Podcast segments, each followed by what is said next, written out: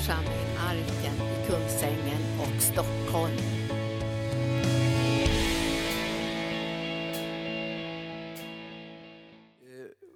Men den här första och främsta eh, liksom, eh, eh, vad säger, skatten som vi ska hitta, den är ju, den är ju är Jesus. Och det kristna livet sen, hur man vandrar tillsammans med Jesus, det behöver man veta hurdan det är. Det är inte liksom en privat liksom åsikt som du sitter och har bara liksom, jag och Jesus och du som du hittar på själv. Liksom. Utan det är, det är så att han är på ett visst sätt och det som han vill är bestämt och tydligt som han har talat om och uttrycker och kallar dig och mig att gå in på den vägen. Så vi ska, behöver vi inte kalla det liksom att det startar, eller vad ska jag säga, eh, hitta på kristendomen. Utan den har redan blivit klar. Den ligger där och eh, väntar på dig, att du ska vara med och förverkliga den. Och den har liksom struktur redan. Och därför så, är det, så ska, tänkte jag idag vi ska gå till Hebreerbrevet. Det är ju inte så ofta som vi eh, går till Hebreerbrev, men idag blir det lite Hebreerbrev. Då. Hebreerbrevet, alltså, jag, jag måste säga, jag brukar säga att det är så fantastiskt, bästa brev jag läst och så här. Om alla brev säger det. Men det blir så på något vis att efter ett tag så tycker man att alla brev är så suveräna så man blir helt lycklig när man läser dem. Eh, och jag vill säga bibelläsning hör liksom till det här sättet att få liksom lite stabilitet i livet. Annars, så får det liksom, annars blir du liksom helt utlämnad till dina egna tankar eller andras åsikter som kommer susande. Och alla de här små falska profeterna som springer omkring liksom och hittar på och, tar, och är Guds röst för allt möjligt och profeterar personligt till folk kors och tvärs. Hur ska man, hur ska man liksom kunna sortera bland dem? Ja, man måste liksom se till att man känner till Herrens röst och vet själv och därför bekantar sig med hans ord ordentligt så behöver man inte låta sig bedras vare sig åt det ena eller andra hållet utan man vet på vägen som man ska gå. Vi ska ju följa Jesus, den Jesus som visar sig och presenteras i bibelordet. Det är honom vi ska följa, inte en massa andra. Eh, och vi ska, inte, eh, vi ska inte följa människor, utan vi ska följa Jesus. Människor har han sänt till oss för att hjälpa oss och då har han gjort det i ordnade förhållanden därför att vi inte ska komma vilse. Och därför har han satt ihop sin församling som utgör hans kropp och så har han satt in tjänster där som ska kunna betjäna eh, de som har blivit troende och kristna som utgör lemmar i kroppen.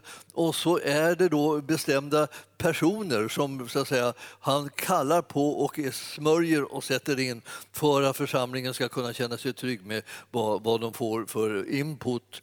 Och alla är de då bevandrade i ordet så att de själva kan kolla så att det, det är inte är någon tjänstegåva så att säga, som regerar över dem på det viset att de bestämmer vad som är Herren och, utan var och en har ansvar för att se stämmer det här med ordet. Och då behöver du läsa ordet. Annars så, så vet du inte riktigt vad du ska tro. Och du ska veta vad du ska tro. Så det, vi, vi ska göra vårt bästa nu då för att försöka få lite eh, stabilitet. Vad är det du ska känna till för någonting? Alltså det, det står ju. Och därför så, eh, gå till sjätte kapitlet i eh, Hebreerbrevet. Så ska vi tala lite grann bara. Jag har talat om någon gång förut. Eh, och jag tror att det finns en hel serie om all, allt det här som är, gäller i, i det här början av det här kapitlet. Men, men vi ska ta det lite grann nu då igen, eh, lite lätt sådär. Och eh, här står det om de, om de första grunderna. Så står det, då startar det här kapitlet med att säga Låt oss därför lämna bakom oss de första grunderna i Kristi lära och föras till fullkomlighet. Ja, vi ska lämna bakom oss de första grunderna i Kristi lära. Och då, det, det, när man läser det då, då, kan, då kan man känna en viss, liksom, eh, eh, en viss osäkerhet. För man tänker, eh, ska jag lämna bakom mig de första grunderna i Kristi lära? Vad, vad är det? Vad är det, som är, vad är det som är de första grunderna i Kristi lära? Ja, de flesta tror jag nästan går bet på redan den punkten. Alltså. Och tänker så här, ja, men jag vet inte vad det är. Ska jag lämna det redan då? då? Ska, är det inte det? Ska jag, ska jag inte undersöka vad det kan vara? Jo, alltså det, det är ju så. Är, är det där läget, då behöver du undersöka vad det är. Vad är det som är de första grunderna i Kristi lära? Hjälp. Jag tänker inte ha ett husförhör nu alltså för att ni kan vara lugna. Jag kommer liksom att tala om de här sakerna. Men jag bara vill, vill att ni ska liksom bli intresserade av själva frågan. För det, visst är det lite konstigt att man, att man ibland råkar ut för det här. Att man inte liksom vet ens det man tänker, det borde jag väl veta antar jag. Tänker man. Ja. Då står det så här att eh, vi, vi, jag, tror att, jag tror att vi tar och backar tillbaka lite grann då, och, eh, så, och så läser vi i verserna eh, eh, ja, eh, från 12. Ty fast ni länge borde ha varit lärare behöver ni någon som undervisar er igen i de första grunderna av Guds ord. Så kan det vara. Och då, då, är, då känner ingen fördömelse. Eh, vi kommer att reparera skadan. Så. Och eh, ni behöver alltså mjölk, står det, och inte fast föda. Och det är klart att vi inte allihopa liksom befinner oss i det läget att vi behöver mjölk och inte fast föda. Men en del behöver mjölk och andra liksom kan, ta lite fastare föda. Det liksom blir lite olika i församlingen och hur länge man har varit kristen och hur länge man har liksom vandrat på vägen. Och så står det att eh, ingen som, eh, som lever av eh, mjölk är mogen för en undervisning om rättfärdighet. Ja, du vet, eh, då finns det några saker som man ska veta före det att man får undervisning om rättfärdighet. Så, och, och det är det som kommer på det här mjölkstadiet. Då, då.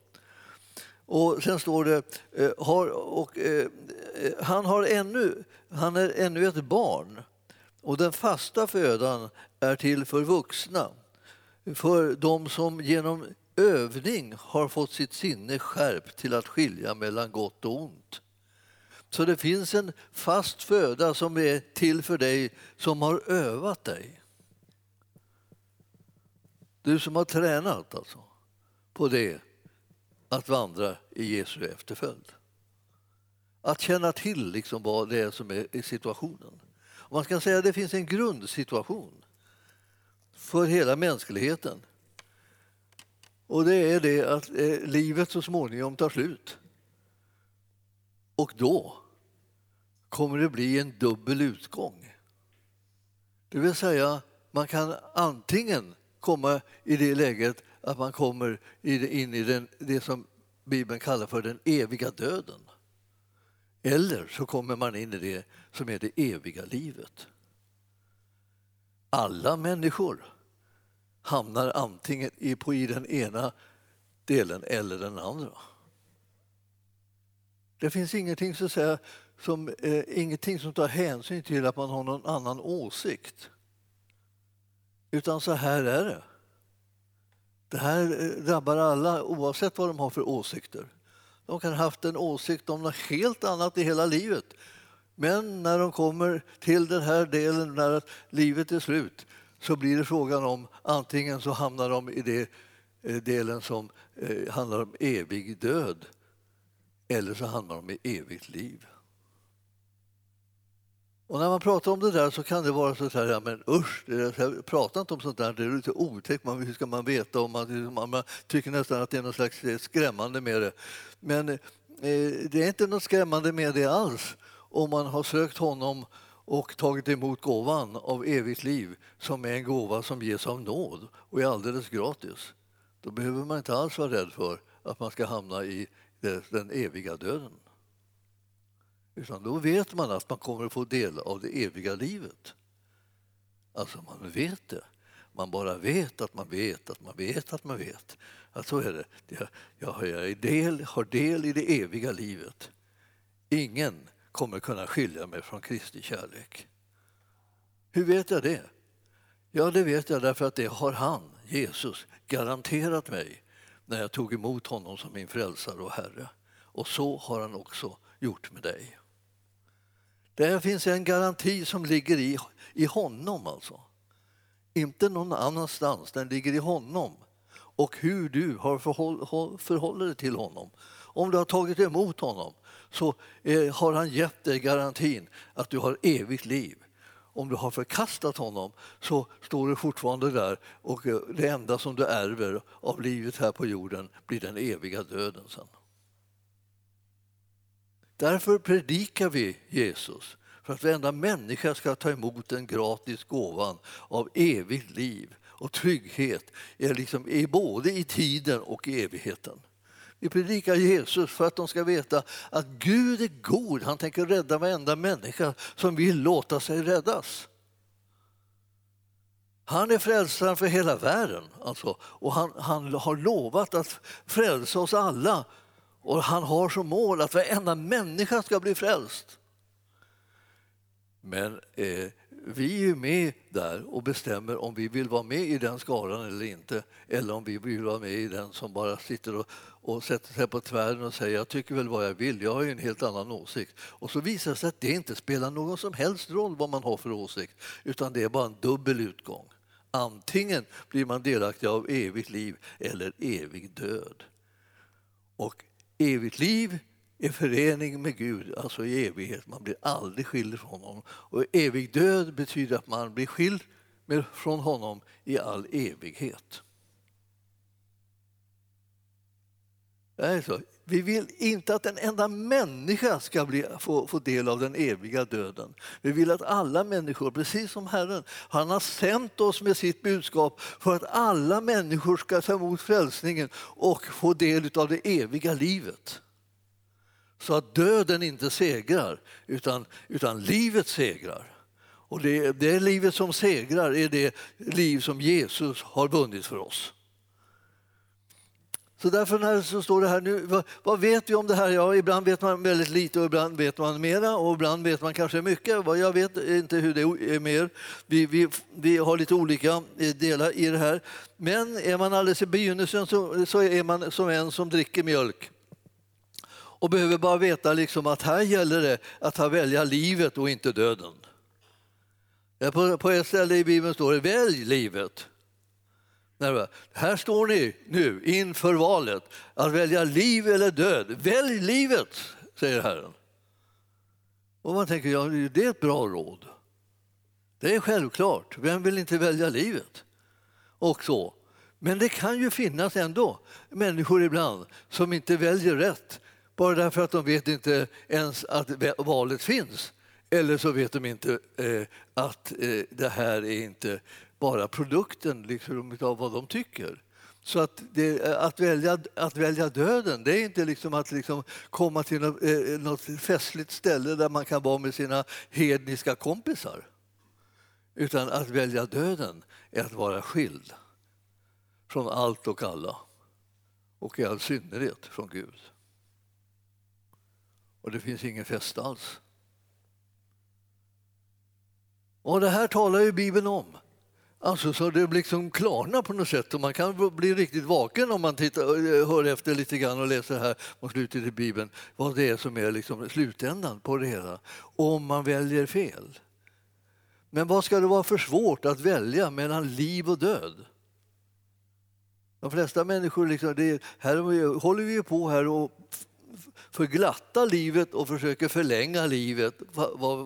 Och vi har alla möjliga olika metoder och, och mediciner och träningsgrejer och alltihopa för att livet ska bli längre och friskare och längre och längre. Och så här. Och, och, och man ska se om man inte, om man inte skulle kunna klara av att, att liksom förlänga det. Och en del till och med liksom låter frysa ner sig eh, för innan, eh, precis innan de dör eller att de, så att de ska dö så säga, genom en slags frysning som man sen ska lyckas liksom häva och ta upp dem till livet igen lite längre fram när man kan bota den sjukdom som den här personen hade.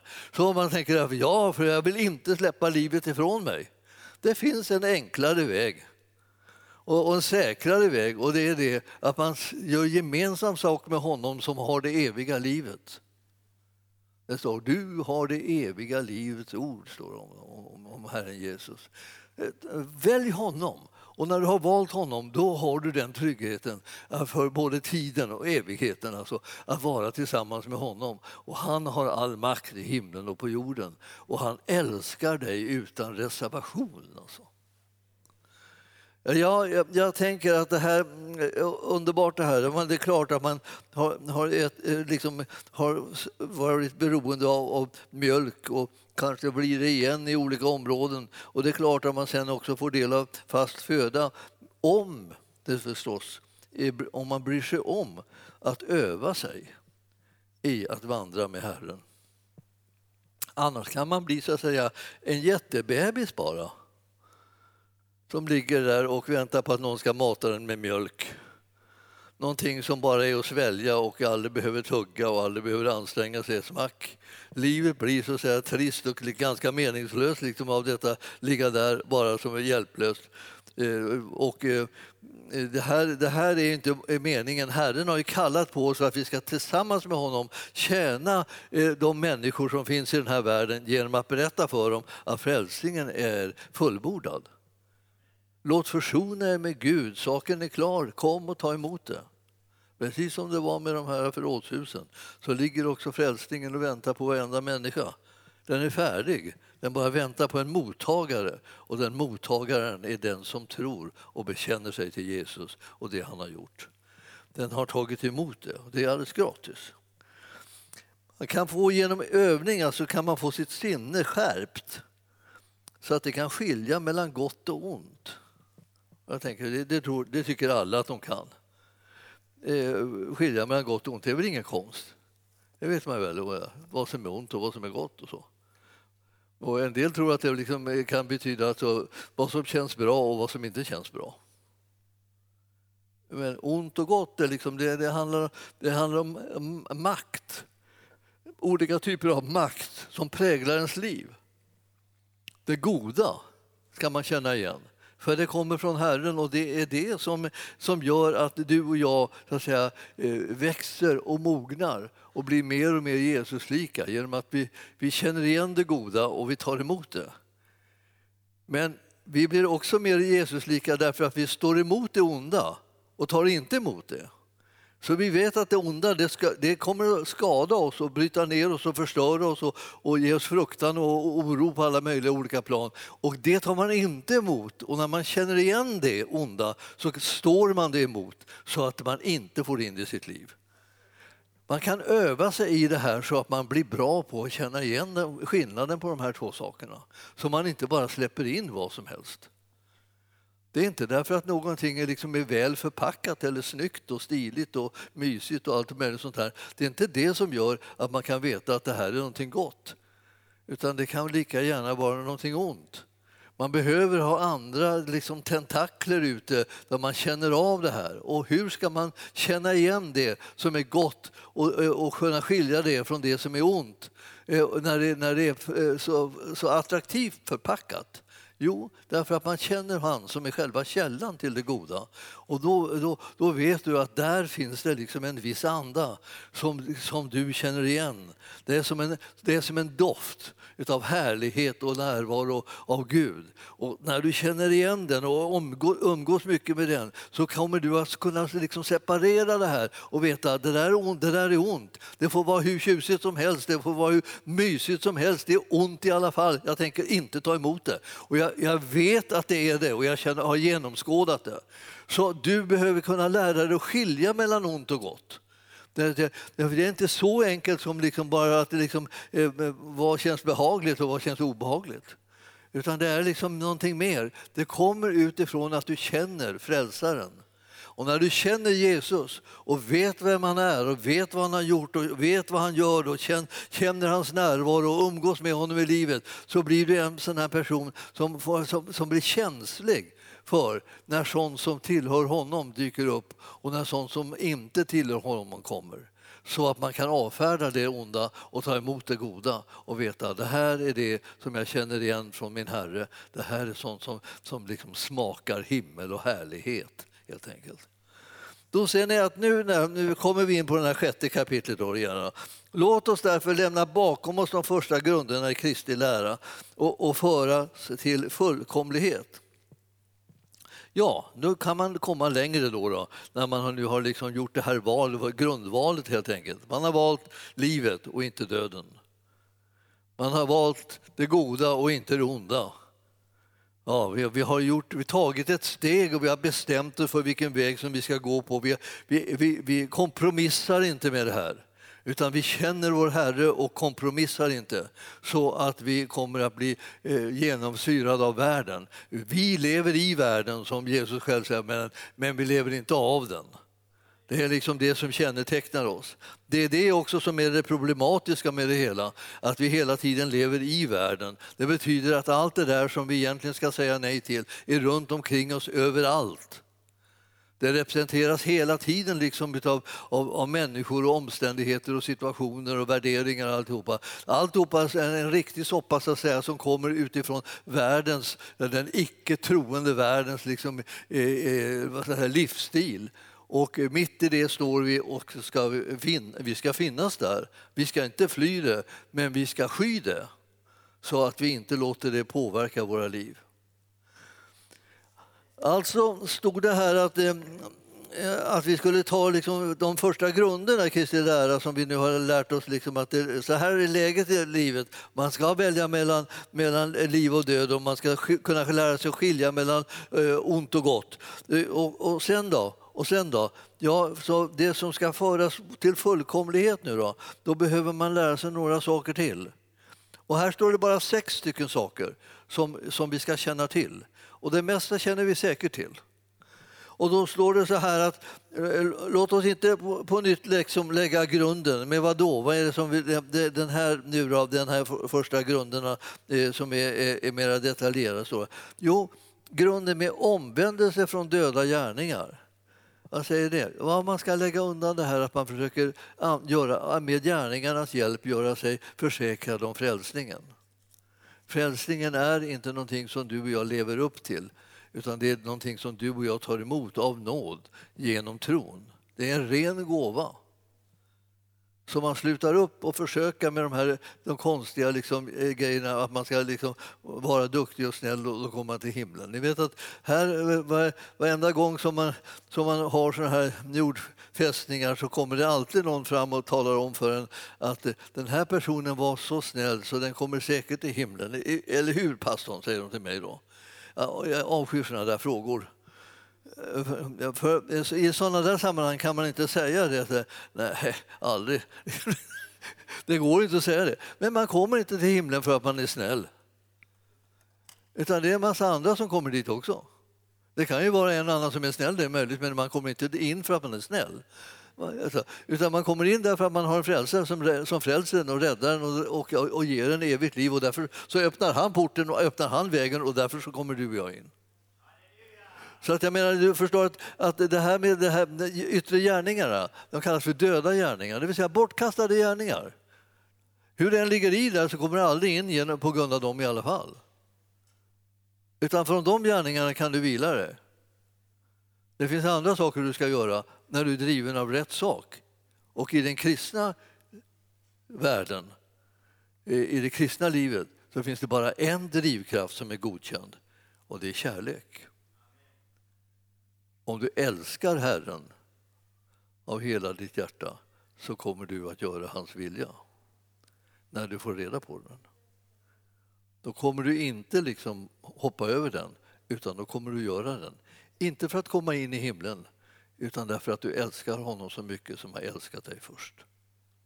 Så det, det, det var han som var först och älskade. Och det förvandlade dig och mig så att vi ville älska tillbaka och göra hans vilja. Vi kände inte hjälp, nu måste jag göra hans vilja annars går jag förlorad och, så blir jag förkastad och så, eh, så kommer himlens port vara stängd och alltihopa. Hela eländet bryter ut. Liksom. Nej, eh, det är det. Hela härligheten kommer när Jesus kommer med sin frälsning och ger den gratis till var och en som vill ta emot den. Och därför så behöver du inte vara rädd.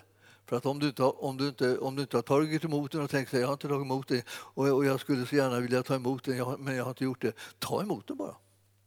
Säg Jesus tack, jag tar emot din frälsning och syndernas förlåtelse för mitt liv. Rena mig och föd mig på nytt så jag får bli ditt barn. Och han gör det.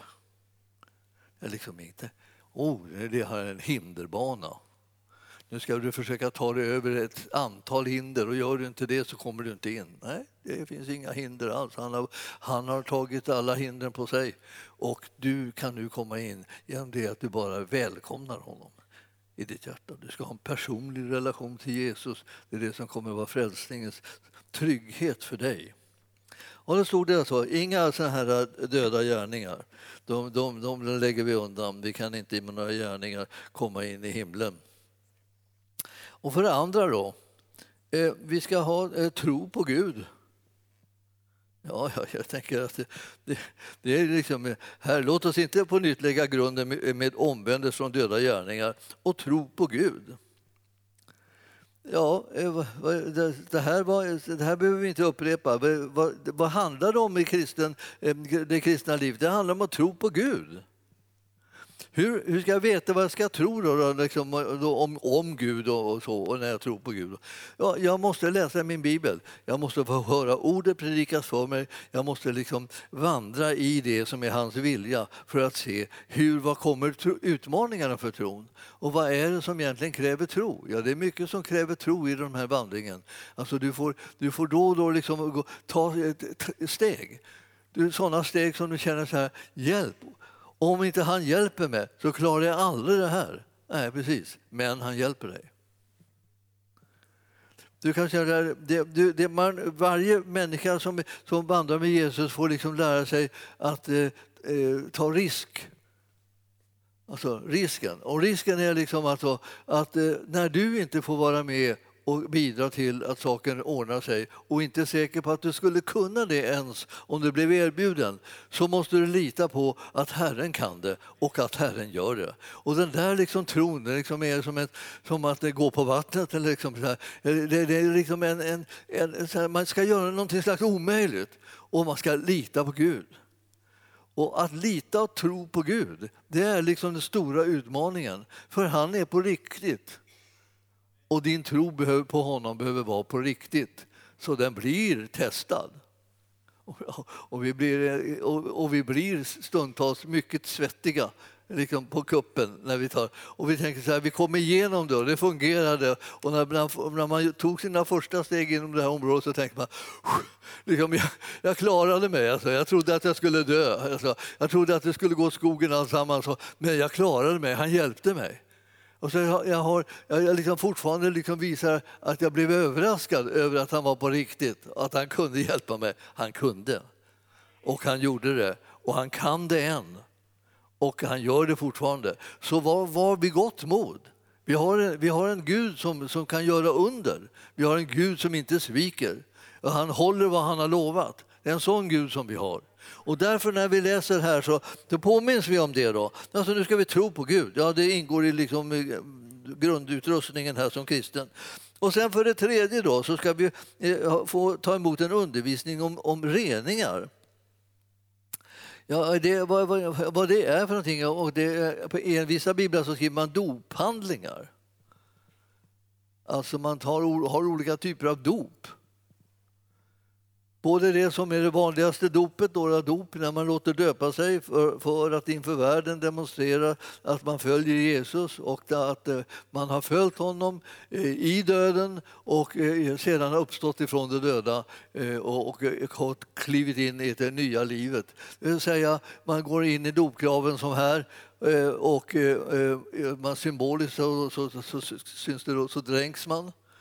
Och sen så, eh, så kommer man upp igen och man har blivit uppstånden och fått liv. Och, eh, och, sen så går man ut i det här uppståndelselivet och lever det, det övernaturliga livet. Liksom. Det livet som man nu är sammankopplad med Jesus.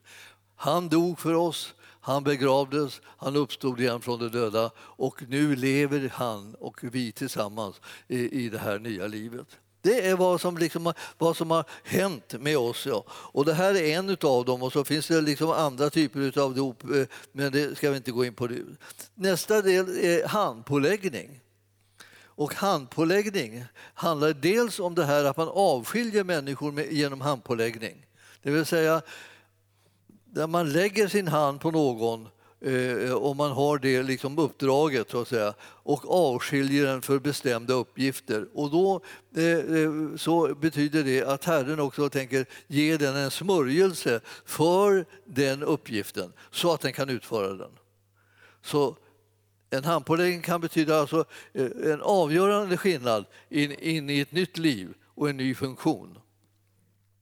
Det kan också vara så att man lägger handen på någon för att den ska bli helad eller befriad. Och eh, eh, då är det, är det så att då är det Guds kraft eh, som kommer i rörelse för att hans vilja ska ske. Och Herren vill hela och Herren vill befria. Så att det inte är liksom det som är frågan, utan vi som lägger våra händer på dem och de som kommer och låter andra lägga sin hand på dem för att de ska bli helade. Vi, vi sätter tro till det här, att Gud är sån. Så nu vet du, du som har lagt din första, första gången du la din hand på någon för att den ska bli helad, hur liksom nervös du var att det, skulle, liksom, att det var nödvändigt att, det, att kraften satt i handen. Man kan tänka sig att liksom, man lägger handen på någon, det måste komma kraft nu, det kommer komma kraft. Man tänker att det skulle strömma kraft. Och ibland, ibland gör det det. Och, och, men, men de flesta gånger så är det inte så att det strömmar på det där sättet, utan man lägger på dem i tro och förmedlar den helande smörjelse som Herren vill ha utgjuten över den här personen. Och det är tillräckligt för att Herren ska nå den och bota den. Så, eh, eh, men det där var handpåläggning. Sen är det ju att vi också, förutom det här, eh, ska, ska ha en, en kunskap om de dödas uppståndelse. Och jag tror att, eh, eh ja, och jag vet inte riktigt var, var ni läser, men alltså, om ni vill läsa om de dödas uppståndelse så ska ni läsa femtonde kapitlet i Första Korinthierbrevet. Där har ni en, liksom en hel del om det här med dödas uppståndelse. Men ni kan också läsa i, liksom i, i första Thessalonikerbrevet, i första kapitlet. Där. Det handlar liksom om, om, om uppryckandet. Det är inte så lätt att se det, därför där har man liksom valt att liksom, man liksom, kan säga, översätta i enlighet med sin teologi. Och, och eh, då har inte alla den teologin att, eh, att, eh, att, man ska möta Herren på himlens skyar och att det kommer att ske så att säga, innan vedermödan och som brakar ut i fulla mått. Så, och till bröllopet uppe i himlen som kommer att vara mellan församlingen och, och Jesus. Så vi, vi kommer att vara, utgöra bruden då. Så då kommer alla de troende ryckas upp, så att säga.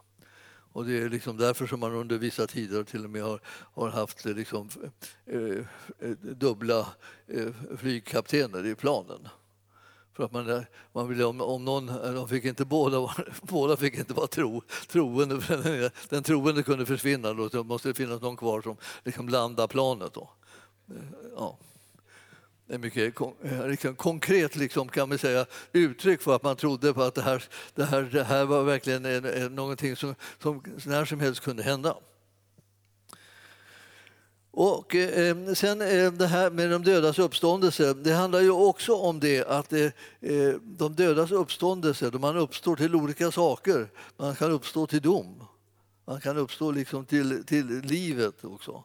Så från graven så eh, är det ju meningen att man ska uppstå. Där, när, jag, när jag var präst en gång i tiden då, då, då tänkte, var man noga med det här hur man, liksom, hur man la kistorna liksom i, när man begravde kistor, när man hade kistbegravning så, så att liksom, man tittade åt eh, öster. Ofta var ju kyrkan också byggd så, så att man, församlingen satt och tittade åt öster. Så hade de ofta ett fönster ovanför liksom själva altaret, öster. Då. Bara det att gudstjänsterna, ofta när man hade gudstjänsterna den tiden då, så var ju solen i öster. Och då sken solen rakt in liksom i, i, i, i lokalen och bländade församlingen så till den milda grad de kunde knappt se altaret där framme där prästen stod. De hörde hans röst men de såg honom inte. Till slut började man liksom mura igen de där fönstren för att inte de skulle skymma liksom, så att man kunde fira gudstjänst utan att sitta där bländad hela, hela mötet. Då. Ni förstår att, men, men Jesus han skulle komma därifrån. Och eh, eh, det var det som man tänkte. Och eh, eh då, skulle, eh, då skulle inte bara de som satt i kyrkan, då, för, och de var ju glada då att de satt där då, för satt på rätt ställe. Då. Och, eh, och, så att det finns en, liksom en trygg plats att vara på, det är liksom i kyrkan. Då. Men sen finns det ju en annan plats som kan man vara på också som är överraskande och det är i graven. För de som är i graven de kommer uppstå ur gravarna för att komma Herren till mötes. Och det här är liksom en, Eh, och de ska, det sker liksom i olika turordning så här, eh, hur man, hur man kommer upp eh, och tas upp till, till himlen och till det här bröllopet. det där står det om då, om du läser i, i, i de här kapitlen och de hänvisningarna som finns runt där till parallellställen om hur det blir liksom i den yttersta tiden när Herren kommer tillbaka. Och det står hela tiden, och det kommer vi aldrig liksom kan sluta att säga, och han kommer snart. Det är inte liksom någonting som eh, vi predikar och säger det dröjer jättelänge innan Jesus kommer tillbaka. Utan det, så ta det lugnt bara, det, det ordnar sig. Det är, inte, det, det, det är massor som ska göras, han dröjer hur länge som helst. Men Bibeln säger inte alls det, Bibeln säger att han kommer snart. Och nu har Bibeln sagt liksom det länge, att han kommer snart. Så nu är det ännu snarare än, än vad det liksom var från början när de sa, när de sa det första gången. Det är viktigt att leva på det viset på sätt och vis med ett, med ett kort perspektiv. Men även det, jag, hade vi, jag tänker på liksom hur det var, eh, Luther sa att även, även om Herren kommer eh, imorgon så planterar jag idag ett äppelträd. Det betyder att han slutar inte leva bara för att, att, det här, att Herren skulle komma snart. Men han hade det i beredskap i sitt inre. Men så levde han liksom det livet som han hade med allt det vad det innebar, eh, som, eh, som vanligt kan man säga. Sen, sen här att, eh, i tredje, eh, andra versen blir det jag bara. Eh, eh och eh, de dödas uppstående. Och sen den sista punkten är en evig dom. Ja, en dom som handlar om evigheten, kan man säga också. Den där eviga domen, det var det som vi sa, där hade man, man fick en dom som, som, eh, som var de, de, definitivt när det gällde då hur, hur var framtiden så att säga, såg ut, eller eh, fortsättningen såg ut efter döden. Vi tror ju på ett liv efter döden. Men vi tror på en existens efter döden också. Vi tror inte på något utslocknande eller någonting sånt där. Vi tror inte på att det ingenting blir eller så. Eller bara någon slags, man uppsugs liksom i något slags världsalltet eller så där.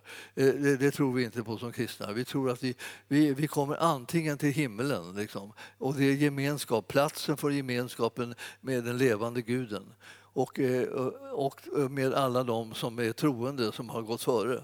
E, eller så kommer man till ett ställe där, där ingen gemenskap finns och eh, där, där man är skild från Gud och från människor och där det bara är liksom, kan säga, tomhet och det står beskrivet som det är gråt och tandagnisslan. Ingen behöver hamna i gråt och tandagnisslan. Det gör man bara genom sina egna bestämda val. Annars så väljer man att följa Jesus och, eh, och genom det får man evigt liv. Så det är ju en så oerhört, liksom, oerhört jobbig tanke liksom, att det finns människor som inte vet att de ska välja att följa Jesus. Alltså de inte förstår att det är den avgörande punkten. De inte förstår att det var något viktigt eller sådär. Utan de tänkte liksom att ja, det där kan de hålla på med. De har sina intressen, och jag har andra intressen. Det här är ju liksom inte någon liten lekstuga. Utan det här är faktiskt det här är allvaret. Oavsett vad du tycker och vad du tänker så är det det här som är allvaret. Och vi väljer att följa Jesus, både i tiden och i evigheten. Och genom det vet vi att vi har trygghet. Tryggheten att leva med Gud och känna Frälsaren. Tryggheten att veta att allting är förberett och klart så att vi kan följa honom efter. Det är något helt enastående underbart alltså att veta det här. Och att den tryggheten, jag tänker så ofta när jag tänker på himlen och, och, och, eh, det gör jag mer nu för tiden än vad jag gjorde förr. Kan man säga så. Men när jag inte tänkte så mycket på himlen så tänkte andra på himlen. Och, det var, och, och jag kommer ihåg min farmor, hon tänkte, hon tänkte mycket på himlen min faster hon tänkte också jättemycket på himlen. Hon har ju varit en missionär i hela livet och varit en riktig troshjälte. Så och, och, hon tänkte på himlen och hon tänkte på, hon tänkte på kronorna. Så här, man fick kronor. Hon hade haft en syn en, en gång och Herren hade sagt det liksom, eh, du, du ber om det, att få en sån här krona. Och det var meningen att liksom, då symbolisera kronan liksom, eh, hur många frälsta som man har, har fått. Och det satt liksom, liksom en slags små stjärnor i den här kronan och hur många frälsta då man har kunnat få under, nå under sitt livstid. Och hon har bett om att det skulle bli några sådär. Och hon var så otroligt innerlig och, och fin den där eh, faster, Dagny Edla hette hon. Och hon bad om det där och, och, och, och Herren eh, visade henne. Plötsligt kom hans händer fram och så höll han en, en liten krona så här i, i händerna. Så här, du ber om den här, sa han. Och så försvann hans händer liksom som in i, i ett moln. Och, så där och så kom det, men jag ska ge dig den här. Och så var det en stor, en stor krona av härlighet med massor med stjärnor i det. Och hon undrade hela livet så här, hur var det med det där? Hon, hon, hade berättat det för mig den där, när hon hade sett den där synen. Så hon, när hon träffade mig så sa hon alltid Gunnar, jag måste bara fråga dig så här, var det några stjärnor i, i, kronan som jag skulle få? Var det några stjärnor? Sa jag, hur sa jag det? Sa jag någonting om att det var några stjärnor i den där, den där stora kronan? Och jag kommer ihåg det där mycket väl. Hon var så glad och som liksom, liksom, så här, började gråta va, så här, över att det var, liksom, det var översållad med stjärnor. Så berättade jag det för henne och hon jublade då där. Då var hon på något ålderdomshem där. Så här, hon, hon, hela tiden bara liksom tänkte Jesus, Jesus, här var det, var det, var det i hennes liv. Och så likadant med farmor var också på, på det där sättet. Alltså man kan säga att ehm, eh, vilken eh, fantastisk härlighet det är att ha Jesus som sin frälsare och Herre. Vad underbart det är, det går liksom inte liksom om nog beskriva. Vilka, vilken, vilken fantastisk glädje det är att veta att man är älskad av Gud. Liksom. Att inte det, det beror inte på att man har varit så fruktansvärt duktig liksom och, så här, och att man har spänt sig hela livet och så. Utan det beror på att han är så oerhört god bara att han kan inte låta bli att älska mig och dig. Och vi tänker så här, att han älskar andra det kan man nästan förstå. Ja, men undrar ibland, jag undrar så här, kan han älska mig? Ja, det kommer man så småningom på. Det beror på hur han är. Jag behöver inte sitta och tänka så här, ja, älskar mig för jag är så här och så här och så där och så där. Och där. Jag behöver inte bry mig om just den där grejen, jag, jag är så här. Utan han är sån att han älskar människorna. Och han vet ingenting bättre än att få frälsa dem rädda dem. Och de som han räddar är ju de som man, som man kallar då för syndare. Det är de man räddar. Så liksom om man tycker att man eh, ingår i kategorin syndare, då är man eh, frälsningsbar. så att säga. Då är det bara liksom att anmäla sig, så blir man frälst. För han, det, han, det är syndare som han utan vidare frälser. Och allihopa har vi kommit in genom den här vägen att vi har blivit frälsta för vi var syndare. Och vi visste knappt om det kanske. Men så börjar vi märka att det kan hända att vi har någonting här som vi verkligen behöver. Det, det, det finns någonting i vårt liv som liksom Herren har att erbjuda oss som, som, som vi absolut behöver om vi ska klara oss i det här för evigheten. Och det är frälsningen som han har utverkat. Och det är en gratis gåva och vi är så glada över att vi är frälsta. Så när man, när man börjar tänka på de här sakerna så tänker man och tänker på, på att vi, vi kommer till himlen. Det är vissa spännande avsnitt som återstår.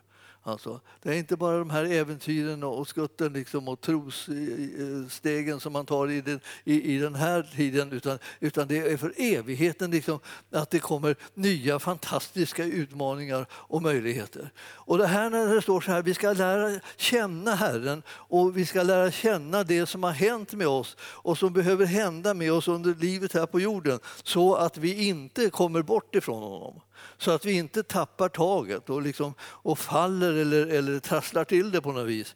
Visserligen är han hela tiden där som frälsaren så att även om, han, om vi faller, han kommer att hålla oss stående står det, men om vi faller ändå så kommer han att resa oss upp.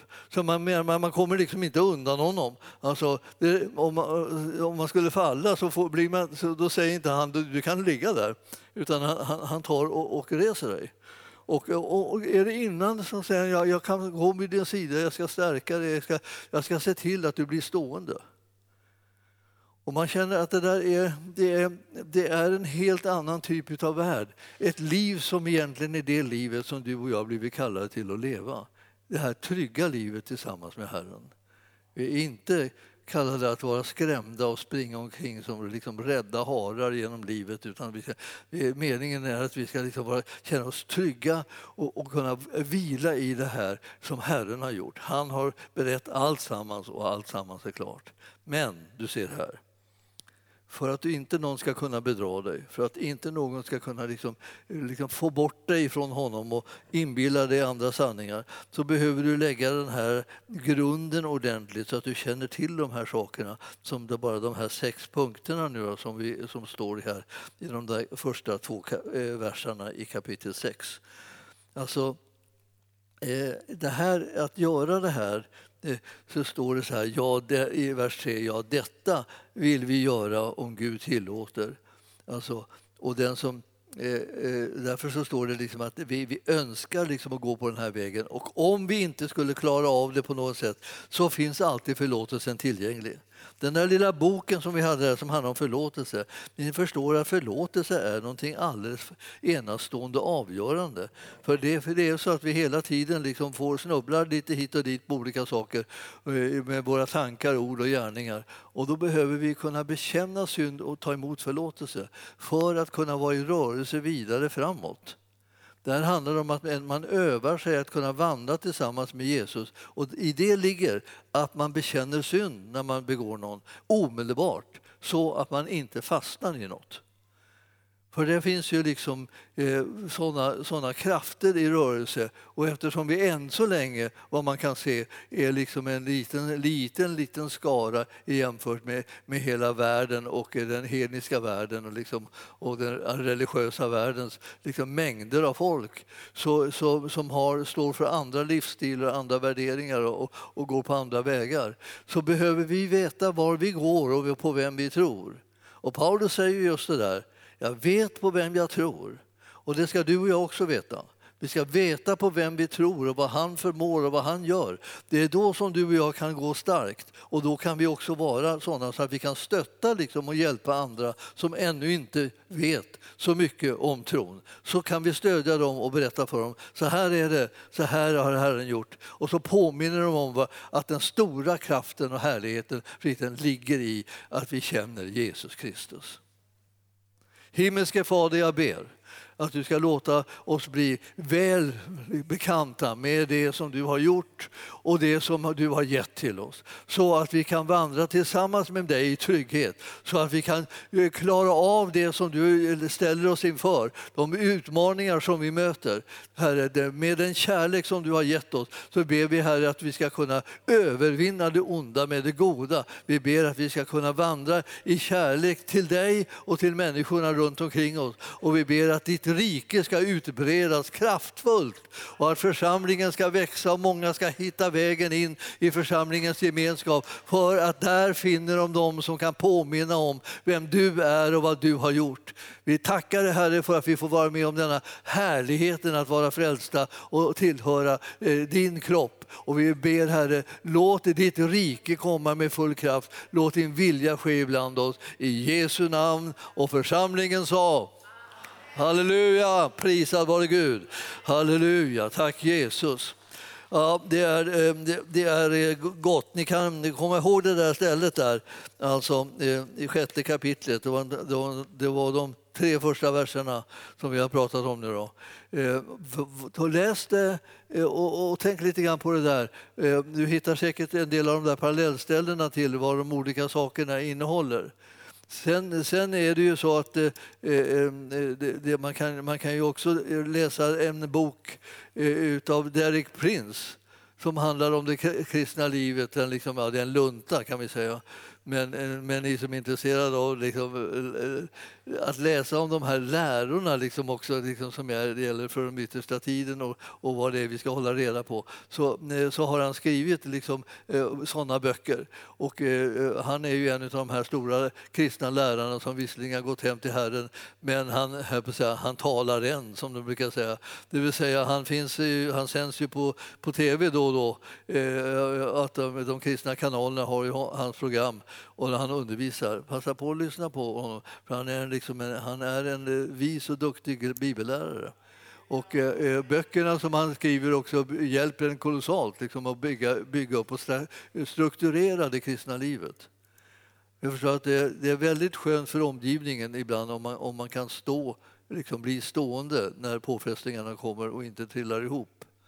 Och eh, vi är alla kallade att vara sådana pelare som står och inte faller eh, när påfrestningen kommer så att vi är liksom det här med övervinnarna i det hela. Och vi kan också, andra kan också komma och eh, finna stötta genom det som du och jag har lärt om honom som är frälser hela världen.